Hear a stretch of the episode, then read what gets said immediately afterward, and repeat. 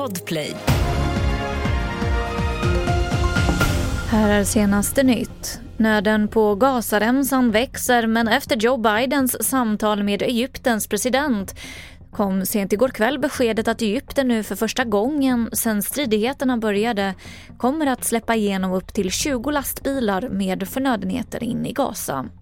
Vi hör vår reporter Jonas Källgren som befinner sig i Tel Aviv. Ja, 20 lastbilar kommer ju inte hjälpa långt men det är ju som Biden sa där ett första steg.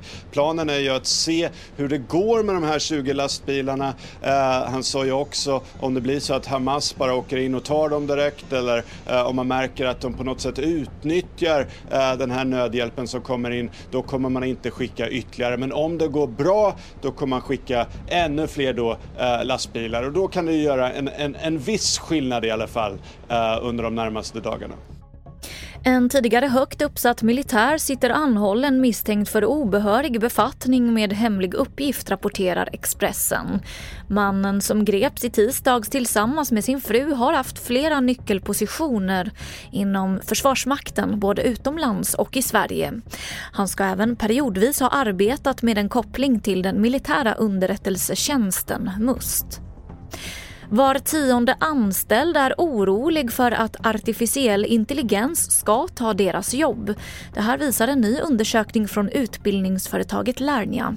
Samtidigt uppger många att de kommer att behöva utveckla sin kompetens för att möta kraven. Mer nyheter på tv4.se. Jag heter Emily Olsson.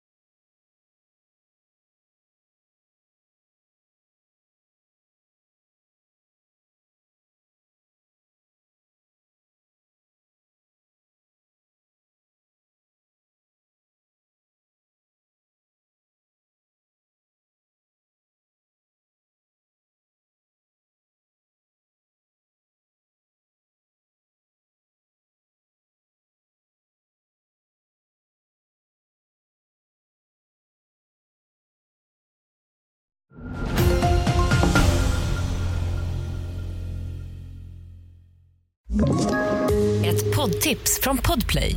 I fallen jag aldrig glömmer djupdyker Hasse Aro i arbetet bakom några av Sveriges mest uppseendeväckande brottsutredningar.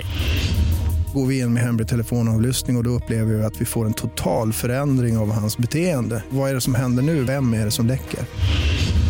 Och så säger han att jag är kriminell, jag har varit kriminell i hela mitt liv men att mörda ett barn, där går min gräns.